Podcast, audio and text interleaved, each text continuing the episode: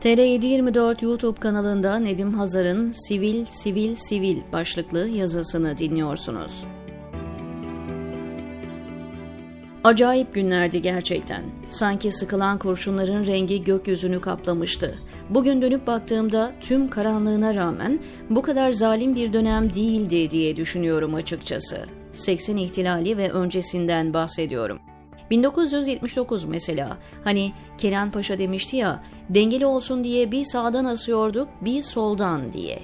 Sanki bir gizli el cinayetleri bu dengede tutuyordu. Sabah solcu vuruluyordu, akşama doğru bir sağcı katlediliyordu. Gece duvara yazı yazarken kurşunlanan solcu çocuğun cesedi başka bir gencin kanıyla yıkanıyordu. Ve biz yaşı henüz olgunlaşmamış, aklı ermemiş yeni yetmeler başka bir merakla izliyorduk olup biteni. Kahramanı değildik ama filmi sanki en güzel yerden, bizzat içinden izliyorduk bir yandan. Hele 79 kışı.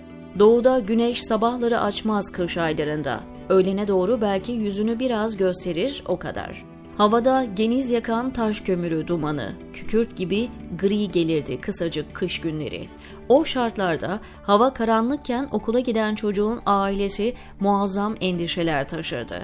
Gördünüz işte iki ateş arasında kalıp ölen okul servisindeki masum bebeleri. Bu olaylar neredeyse her gün yaşanırdı. Hele de akşamları. Erken batan güneş, terör ve soğuk. Doğru düzgün toplu taşıma yok. Servis zaten daha icat bile edilmemiş. Pardon edilmiş. Aslında var servis. Ama sadece asker çocukları için. Evlerine yaya giden çocukların ödleri ağızlarında. Buz gibi bir zemheri soğuğu, acele yürüyen büyükler, havlayan kara köpekler ve uzaktan uzaktan gelen polis sirenleri. Sınıfta bir Mustafa var. Tankçı bir binbaşının oğlu. Samimiyiz. O da bizim gibi insan işte. Bizim şivemiz ona çizgi roman, onun konuşması bize puding gibi geliyor. Her akşam okul çıkışı kapıya yanaşan haki renkli 3 otobüs. Kapı otomatik değil, şoför olan el kolla açıyor okul önünde diğerlerinden ayrık şekilde bekleyen subay çocuklarını alıp güven içinde lojmanlarına götürüyor. Bana en çok dokunan Mustafa ile beraber sınıftan aşağıya kadar gidip onu servise bindirdikten sonra tın tın eve yürümekti. Zalimin oğlu bir kere bile benimle yürümedi eve kadar. Bir gün tuhaf bir şey oldu. Meğer ara sıra bu servis araçlarına binen kaçakları olurmuş. Subay ya da az subay çocuğu değil. Hatırlarım polis memurlarının çocuklarına bile rıza göstermezlerdi. Bekçi falan zaten devlet memuru bile sayılmazdı. Bir gün benim de başıma geldi. Mustafa'yı servise bindirdim. Artık arkasından nasıl bir imrenmeyle baktıysam aracı kullanan er bana başıyla atla işareti yaptı. Elbette onlar için de kolay değildi şüphesiz. Güvenlik kuvvetleri mensubu bir ailenin çocuğu olmak da az stresli bir şey değildi açıkçası. Ama Allah var bize göre çok kral hayat yaşıyordu Mustafa'lar. Bir kere ihtiyaçları olan hemen her şey ya lojmanlarda ya da garnizonun içinde vardı. Ben hamburgerciyi ilk kez bir askeri garnizonda görmüştüm mesela. O dönemin en meşhur sıkıntılarından biri yokluk ve kara borsaydı. Kuyruklar olurdu.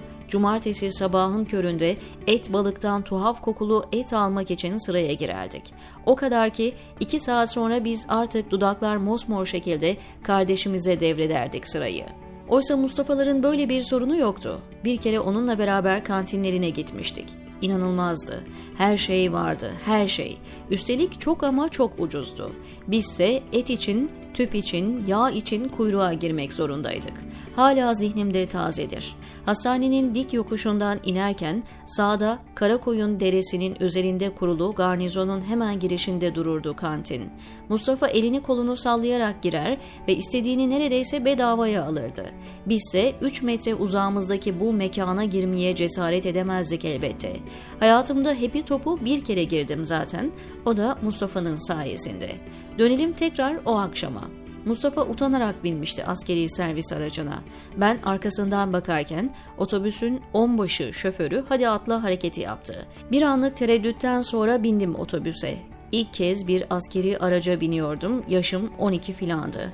Mustafa eliyle işaret yapıp yanına çağırdı. Mustafa benden daha çok mutlu olmuştu. Garip. Otobüs hareket etti. Aman Allah'ım, hayatımda ilk kez servisle eve gidiyordum. Artık bindikten sonra hangi vicdansız bizi indirir diye düşünürken otobüs başka bir okulun önüne geldi. Burada bir kolunda kırmızı pazu bant olan bir çavuşla beraber başka öğrenciler de bindi. İki kız öğrenci arka beşliğe henüz varmıştı ki biri işaret parmağını uzatarak bastı yaygarayı. Sivil, sivil, sivil. Görevli çavuş tam benden şüphelenmiş ve lojman kartımı istemişti.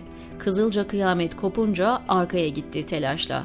Bir çocuk, subay çocuğu olmadığı 40 kilometreden belli olacak kadar halk çocuğu.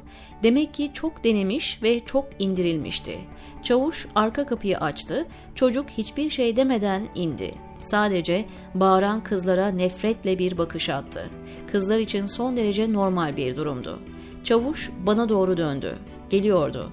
Ne onu ne kendimi ne de Mustafa'yı zor durumda bırakmaya niyetli değildim. Hatta korkmuştum bile. Sessizce yerimden kalktım, arka kapıya yöneldim.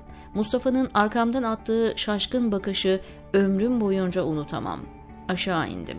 İndirilen çocuk eline geçirdiği küçük bir taşı öfkeyle otobüsün kasasına vurdu ve kız çocuklarını taklit etti. Sivil, sivil, sivil.